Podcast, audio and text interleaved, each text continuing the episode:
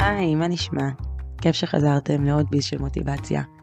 אני אלה שלוי אינטליס, ואני ממש שמחה שחזרתם, ואני ממש מעריכה את זה שאתם מבלים איתי זמן ככה באוזניים, ומכניסים אותי, אותי לשגרת היום שלכם וללוז. אז תודה רבה על זה. והיום אני ממשיכה את הבנדל ביס של מוטיבציה עם הביס השלישי.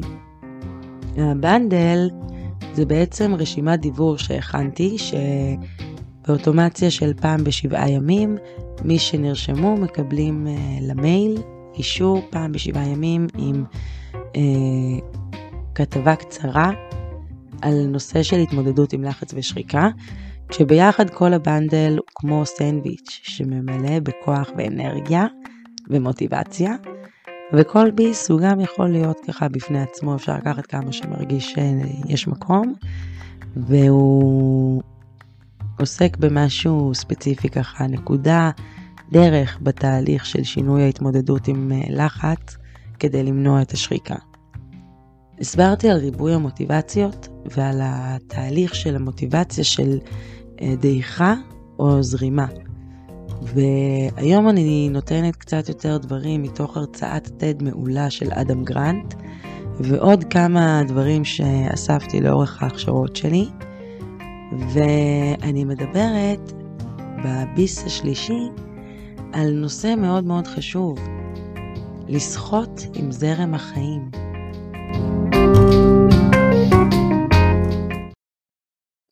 אז אני מקווה שהשבוע עשיתם משהו קצת יותר טוב לעצמכם, והכנסתם איזושהי נקודת אה, טעינה עצמית לשגרה. אם לא, זה אף פעם לא מאוחר. הכנסה של דאגה עצמית אמיתית ללוז, קריטית, כדי לשנות את המגמה מדעיכה לזרימה. זה מה שמעביר את כיוון הזרם וממלא אותנו באנרגיה לאורך היום. העצירה של השצף המהיר של החיים כדי לדאוג לעצמנו היא הצעד הראשון בהתמודדות עם השחיקה הבלתי נמנעת. זה מאפשר להכיר את הקצב הטבעי של העשייה שלנו, של כל אחד ואחת. אותו זרם אנרגיה שמוביל את מקצב החיים ומכתיב לנו מתי נגמרה הסוללה וצריך לעצור לנוח. כולנו נולדנו עם דפוסי התמלאות אנרגיה שונים. זה מתבטא במרווחי שינה ואוכל של תינוקות, עכשיו זה ממשיך איתנו לכל החיים. הדבר הזה שנולדנו איתו, הטיפוס הזה שנולדנו איתו. אה, פשוט כשאנחנו תינוקות אז ממש קל לראות את זה, כי אין לנו שום דבר שמתווך כלום, הכל מאוד גולמי וברור. אבל כל הדברים שלנו, שניתן דוגמאות על ילדים, על תינוקות, הכל תקף גם עלינו המבוגרים, רק שיש לנו כל מיני מיסוכים ודברים שמקשים יותר לראות את זה, אבל זה נמצא שם בבסיס ובתחתית של הכל. תחשבו על זה. כל כמה זמן נגמרת הסוללה שלכם וצריך התענות? אוכל, שינה, מנוחה? האם מפגשים גדולים ממלאים או מרוקנים אתכם מאנרגיה? מתי עשינו, מתי עשית משהו והרגשת על הגל? מתי הרגשת שנגמר לך האוויר? בנקודות האלה, שם נמצא דפוס האנרגיה האישי. אפשר לדבר על זה במובנים של מוחצנות לעומת מופנמות, אבל זה יותר עמוק מזה. תיאוריות טיפוסים, יש המון כאלה בעולם של הפסיכולוגיה, אה, ואני מאוד אוהבת אותם, כי כולן צודקות, כולן נכונות, כולן יפות מה שנקרא, ויש מקום לכולן גם. כי התיאוריות האלה, כל תיאוריות הטיפוסים, אם זה המודלים של אדיג'ס על צוות משלים, אם זה מוחצן מופנם, אם זה גרצ'ן רובין וטיפוסי המחויבות, אמ, ה Big Five, כל הטיפוסים זה אה, מראה בעצם אספקט אחד בדבר המורכב הזה שנקרא אישיות וזהות עצמית. אז זה הרבה יותר עמוק מהדבר הזה, אבל זו דרך מאוד ש, שאפשר להסתכל על זה בקלות. חלק מתהליך ההתבגרות כולל למידה של דרכים לווסת את הקצב הפנימי שלנו כדי לתפקד בעולם. למרות שלפעמים זה נשמע חלומי, אי אפשר ללכת לשנץ כל שלוש שעות ועדיין לנהל חיים מלאים. עם זאת, עבודה נגד הקצב הפנימי מאיצה את השחיקה. נגיד כשהגוף מתעורר משעון ולא מעקיצה טבעית, נקודת ההתחלה שלנו היא כבר במינוס. כשילד מגיע לכיתה א', ופתאום הוא מבין שהוא לא יכול לרוץ קדימה בחוברת כמה שהוא רוצה כי יש קצב לשיעור. הוא לא יכול למשוך את האוכל בהפסקה כמה זמן שהוא רוצה כי נגמר הזמן. הדברים האלה מלמדים אותנו לווסת את עצמנו מול העולם החיצוני ולדעת איך לעשות את הדברים כדי שנוכל להתקדם ביחד ולהיות שייכים לקבוצה שאליה אנחנו שואפים. אנחנו, מי שככה מתעלם, יש מישהו שמתעלם לחלוטין מהאילוצים של הסביבה, זה גם לא דבר שיכול לעבוד, כן, אם הרכבת יוצאת בשמונה ואני בשמונה בחמישה עדיין לא יצאתי מהבית, אין לי צ'אנס להגיע אליה. אה, אבל גם להיות ככה כל הזמן רק בתכתיבים לעולם החיצוני ולדרישות שלו זה גם לא חיובי. אז החיים זה כל הזמן לנסות למצוא את המאזן הזה, את המקום שבו אני גם וגם ואיך אני מצליחה לתפקד במקום שהוא גם נעים לי וגם מותאם אה, לסביבה שלי ולמטרות שאני רוצה להשיג. אז אם יש את הדברים שאני חייבת לעשות, ויש לי קצב מסוים שאני חייבת לעמוד בו, או אה, להתאים את עצמי אליו, מה אפשר לעשות? אז קודם כל אפשר לבחור איך, מה ומתי לעשות כדי שיהיה קל יותר. תמיד יש לנו את הבחירה אם לזרום בכיף, או לשחות נגד הזרם ולהוציא המון אנרגיה. מה זה אומר בשטח? איך זה נראה תכלס? אז ככה, אני חיה במהירות, הקצב הזרם הטבעי שלי הוא 800 קילומטר לשעה. כל מי שפגשו אותי יעידו שאני חושבת מהר ומבצעת מהר יותר. במיוחד כשאני עושה דברים שאני אוהבת, שמדליקים אותי, כמות האנרגיה שיש בי היא מתפרצת ממני ומרימה את כל מי שבסביבה שלי גם. זה זרם האנרגיה הטבעי שלי. ואחד האתגרים שלי זה להאט את הקצב ואת השחיקה. חן בר שי, שמובילה איתי את הקהילה ואת הפודקאסט הזה בפרקים שאנחנו יחד, הציגה אותי פעם כמגנט הכי חזק בחדר. לקח לי זמן ללמוד שעם הכוח שזה נותן לי, בין אם זה בהפקת אירועים, כנסים ונופשים לקהילה, יש גם צד שני. לכל אור, כמה שהוא חזק, יש גם צל מאוד עמוק. ולכל אחד ואחת מאיתנו יש מעגל דומה, פשוט אולי בקצב אחר. אז תנסו לחשוב ולזהות את דפוס השחיקה האישי שלכם. מתי נגמרת הבטריה? עד כמה אפשר למשוך? איך הצלחת למלא את הסוללות מחדש בעבר? אפשר להפסיק להילחם בדפוס האוטומטי ככה, וללמוד לשוט עם זרם האנרגיה מהר ורחוק יותר, וליהנות מהדרך. זה דורש לבחור לעשות דברים אחרת, וגם זה דורש לבחור לא לעשות דברים מסוימים יותר. והשינויים האלה לא כל כך קלים, ולכן אנחנו כאן.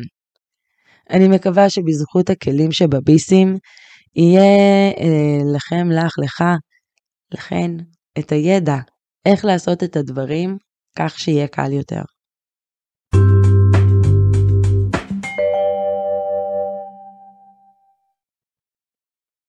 כשעשייה מיושרת, עם חוזקות חותם האישיות, עוד תיאוריית טיפוסים, היא מערבת משמעות ומאפשרת למידה. ואז קל יותר לעוף גבוה. זרם האנרגיה מתגבר כי העשייה מהנה ומשמעותית. מכיוון שניהול הקהילה של עצמאיות מהבטן מדליק אותי, אני נשאבת לתוך זה. עכשיו לכולנו יש משהו כזה, בטח בילדות היה לכם את זה. משהו, בטח זה גם קרה לפחות פעם בחיים בבוגרים, אה, פשוט עם ההתבגרות לפעמים אנחנו שוכחים איך להגיע למצב הזה, לתחושה של flow, של זרימה. התחושה של נשאב, להישאב, אפשר פשוט להישאב לתוך העשייה, היא לא מעייפת, היא ממלאת בכוח. קל לזרום על הגלים של האנרגיה ולהמשיך עוד ועוד ועוד ועוד. זה תמיד כיף להיזכר ברגעים כאלה שבו היינו במיטבנו, שעשינו את מה שרצינו לעשות, שנהנינו כל כך מהעשייה, עד ששכחנו לשתות, לאכול, המרחב והזמן נעלמו, והיינו אחד עם החומר. זה זרימה, וזה ממכר. כשמצליחים להגיע לשם, זה מדהים. אז למה אנחנו לא תמיד שם? הגורם הראשון שמנטרל את הזרימה זה לחץ. במיוחד לחץ כרוני וסמוי שהצטבר לאורך החיים ומביא לדעיכה. הסיבות שמביאות להצטברות לחץ אדירות. אין סוף, באמת. זה יכול להיות אירוע פנימי, זה יכול להיות מחשבה, זה יכול להיות רגש, זה יכול להיות אירוע חיצוני בעולם. בהמשך הבנדל נדון בזה לעומק. ברוב המקרים, הסיבה שבגללה הסכר נפרץ אה, במצטבר לחץ קשורה למנגנון הישרדותי אוטומטי שמופעל במוח. משהו מלחיץ אותנו, ומערכת העצבים מבינה שכדי לשרוד ולחיות, צריך להתעלם מאותו לחץ. המנגנון הזה במוח מנטר את הסביבה כל הזמן, ועוזר לנו להתמיד ולהגיע למטרות מאתגרות. זה מה שעוזר לי בימים של כנסים, בתקופה של ארגון של כנס או אירוע של הקהילה, לא להפסיק ולהמשיך ולהמשיך, כן? זה מה שמאפשר בעצם את הכוח והסיבולת לפרוץ מחסומים ולהגיע לשיאים חדשים. אבל חשוב, אחרי תקופה כזאת של טורבו, שפתחנו את האקסטרות שלנו, לחזור ולהתייחס לעקבות שהמאמץ הגדול הזה השאיר בתוכנו, בגוף שלנו.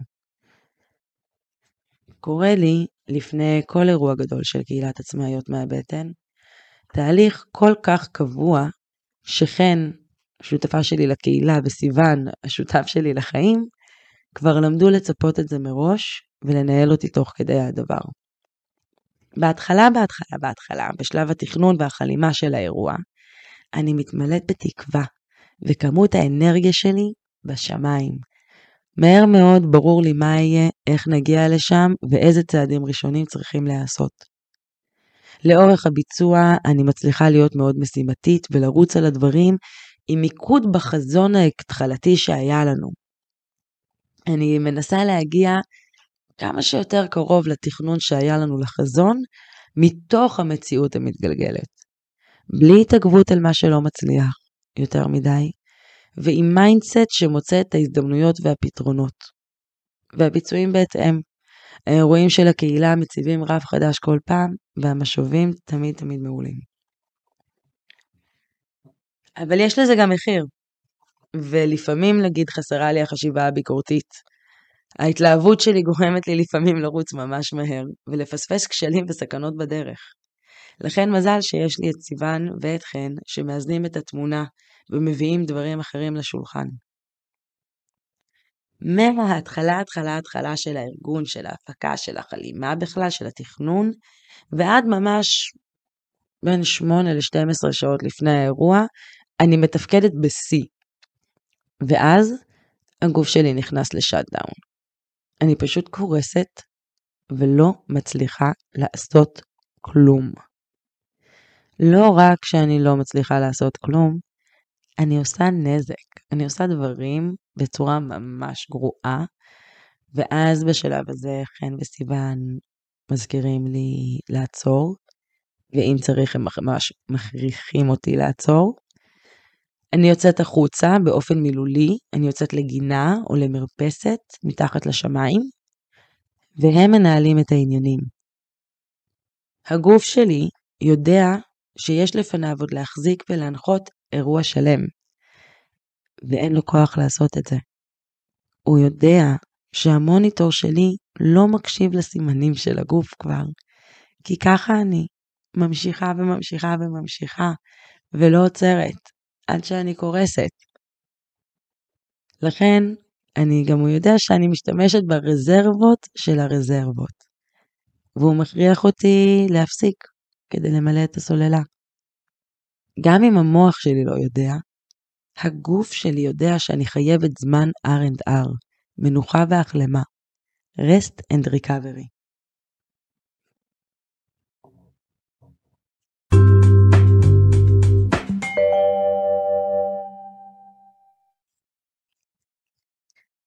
בזכות המנגנון הזה באירוע עצמו אני זורחת, יש לי כוח לתפקד ולהצליח לקיים את מה שעבדתי כל כך קשה עבורו. ומה קורה יום אחרי? כבר למדתי לסגור מראש זמן לנפילת האנרגיה. זמן בלי כלום כדי להתחבר לזרם האנרגיה הטבעי, לעצור ולהקשיב לצרכים שיעלו באותו רגע. כולנו ככה. נפילות אנרגיה הן חלק טבעי ממחזור המוטיבציה, ובלעדיהם השחיקה הייתה טוטאלית. הפיוז אשכרה היה נשרף. אז במקום להילחם בו, אפשר לתכנן מראש את החיים כך שיזרמו. כך הלחץ המיותר שבהתנגדות נעלם, ומתפנה אנרגיה חשובה שאפשר להשקיע כדי להגיע לשיא בתחומי העשייה שמשמעותיים לנו. עכשיו, לפעמים הדחקה היא התשובה. התעלמות מאיתותי הלחץ של הגוף מתרחשת בכל מיני מצבים. זה יכול להיות לתקופה מסוימת, לתקופת בחינות, להפקה של אירוע, מצב שבו אנחנו ככה כדי לאפשר לנו להגיע לטורבו ולמצוינות רגעית. אבל עוד מצב שזה קורה בו זה להתמודד עם טראומה. בין אם זו טראומה מז'ורית גדולה, או אם זה פשוט אירוע שהוא גורם לנו לאיזשהו פיצול בין הרצון הפנימי שלי, הקול הפנימי שלי והדחף הפנימי לעשות, ובין חוסר היכולת להביע את זה כלפי חוץ. זה גם טראומה, קוראים לזה עם T קטן באנגלית. אז שמקור הרגש, כן, או החוויה בחוץ, או אפילו מחשבה על משהו שהוא נתפס לנו כמאיים וקשה מדי, המוניטור הזה במוח יודע לנטרל את הכל כדי לשרוד. במצבים כאלו הלחץ מודחק הצידה לתופקד, לטובת התפקוד, והתגובה האוטומטית שהמוח בחר בה היא בעצם פריז, קיפאון.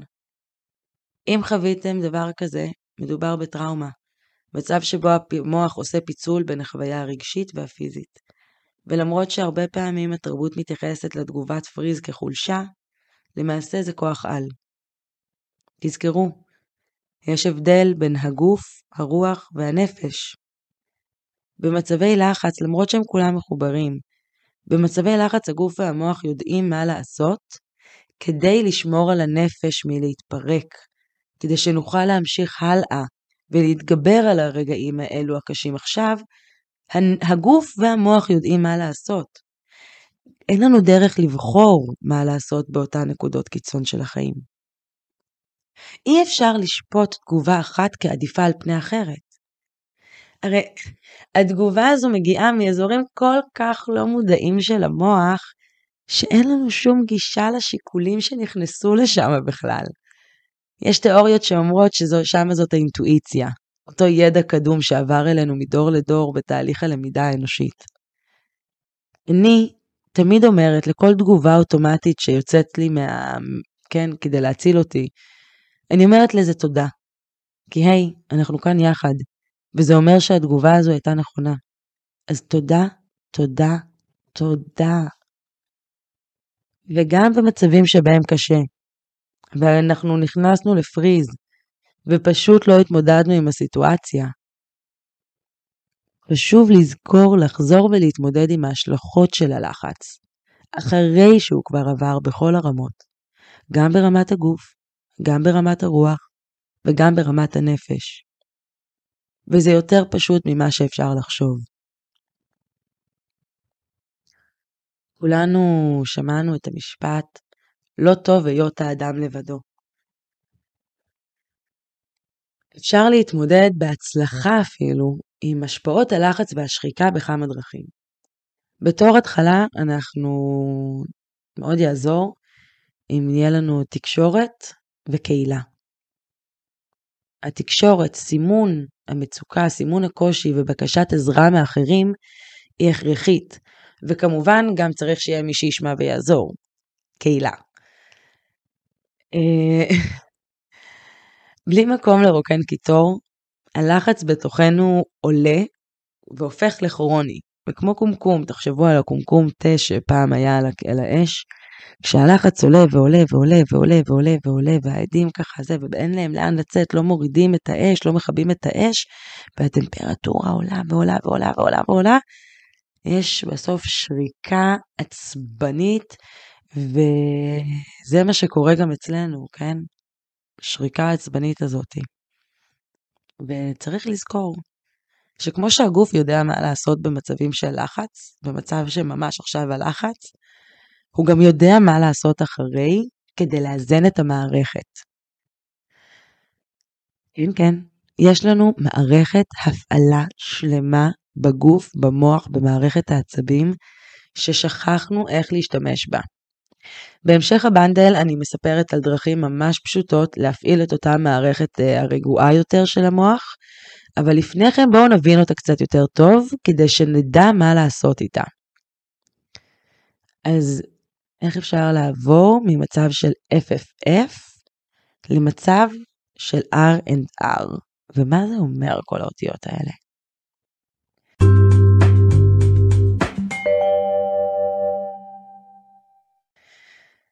במצבי לחץ מופעל, מופעלת במוח מערכת ה-FFF שהיא בוחרת אחת מתוך שלוש התנהגויות אוטומטיות שיכולות להציל אותנו מול איום.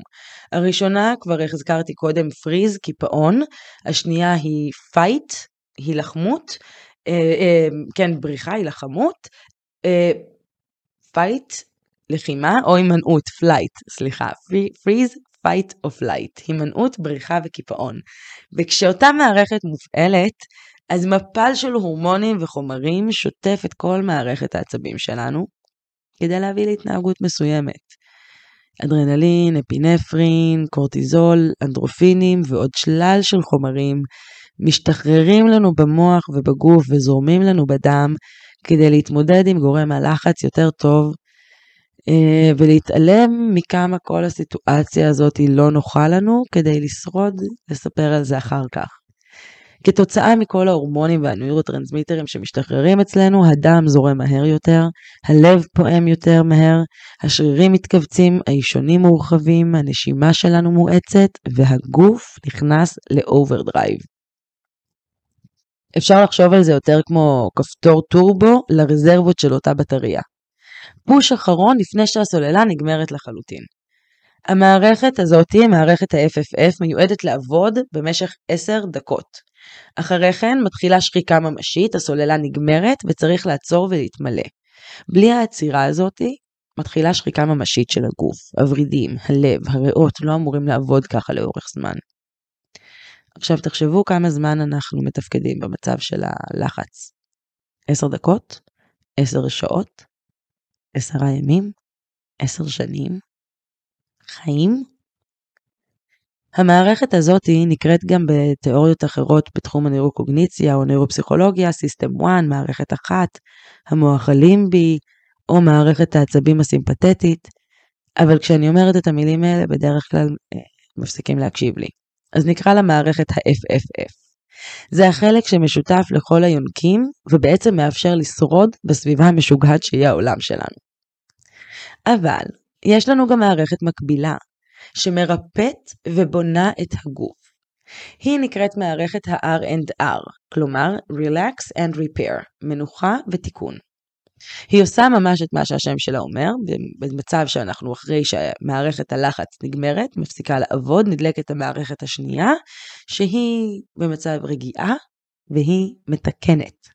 תיאוריות אחרות מתחום הנוירוקוגניציה קוראות לה גם מערכת 2, System 2 או המערכת הפרסימפטית, והיא ממש מרפאת את נזקי הלחץ, זה מה שהיא עושה. עכשיו יש איזשהו היפוך של גלגל.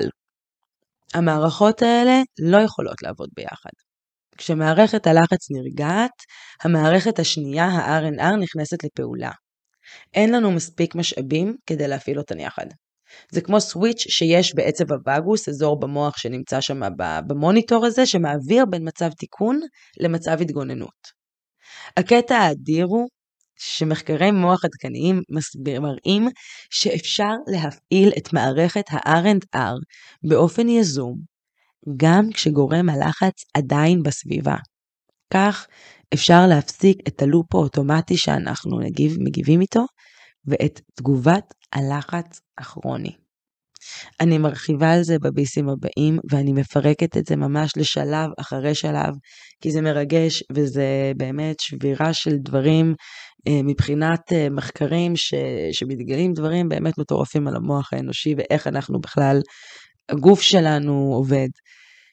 בגדול, כשקורה משהו מלחיץ, המוניטור במוח מסמן לגוף מה לעשות. כשאנחנו, כשאני נוהגת בכביש ורכב מולי בולם בפתאומיות, אני לא עוצרת לחשוב על זה, הגוף שלי מיד מגיב. המוח שלי בתוך ככה, יודע מה לעשות כדי לא להיכנס ל- לרכב שמולי.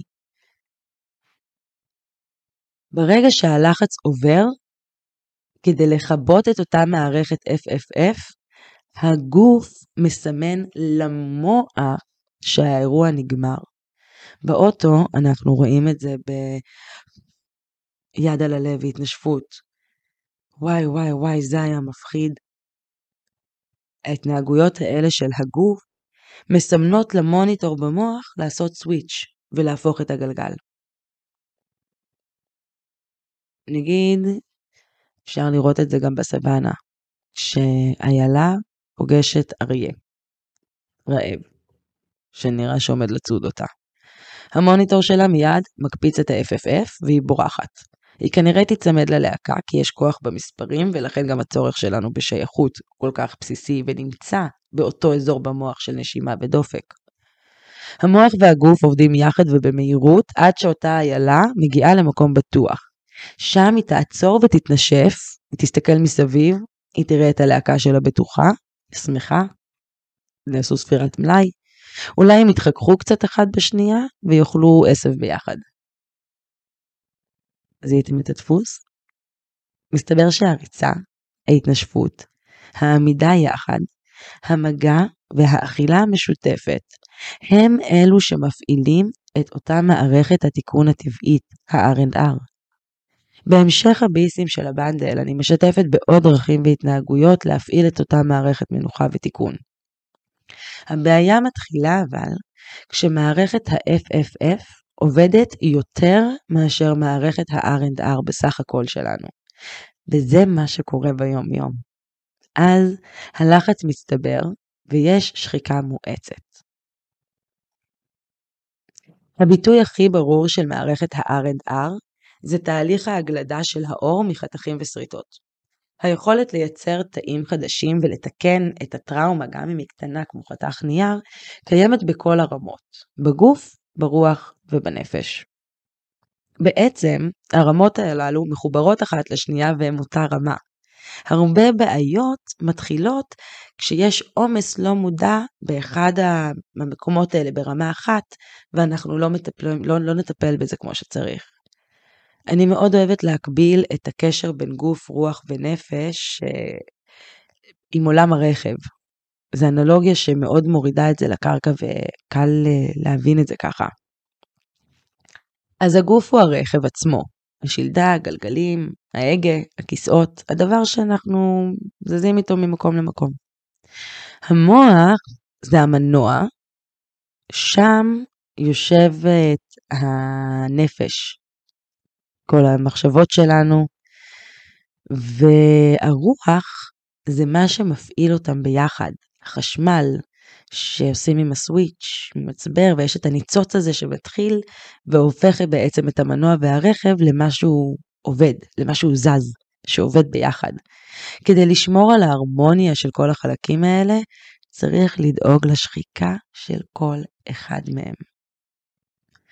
לנפש יש לנו כל מיני סוגי טיפולים, ליוויים, אימונים, פסיכולוגיים, פסיכיאטריים. לרוח יש לנו פרקטיקות של מדיטציה, תפילה, שיתוף משמעותי, אינטרוספקציה, התבוננות פנימה. ולגוף יש את התהליכים שלו, ואותם או ששכחנו, או שלימדו אותנו שהם לא ראויים, לא להתנהג אותם, לא לשתף אותם החוצה. אז אני מקווה שהשבוע עשיתם משהו קצת יותר טוב לעצמכם, והכנסתן איזושהי נקודת אה, טעינה עצמית לשגרה. אם לא, זה אף פעם לא מאוחר. הכנסה של דאגה עצמית אמיתית ללוז קריטית כדי לשנות את המגמה מדעיכה לזרימה.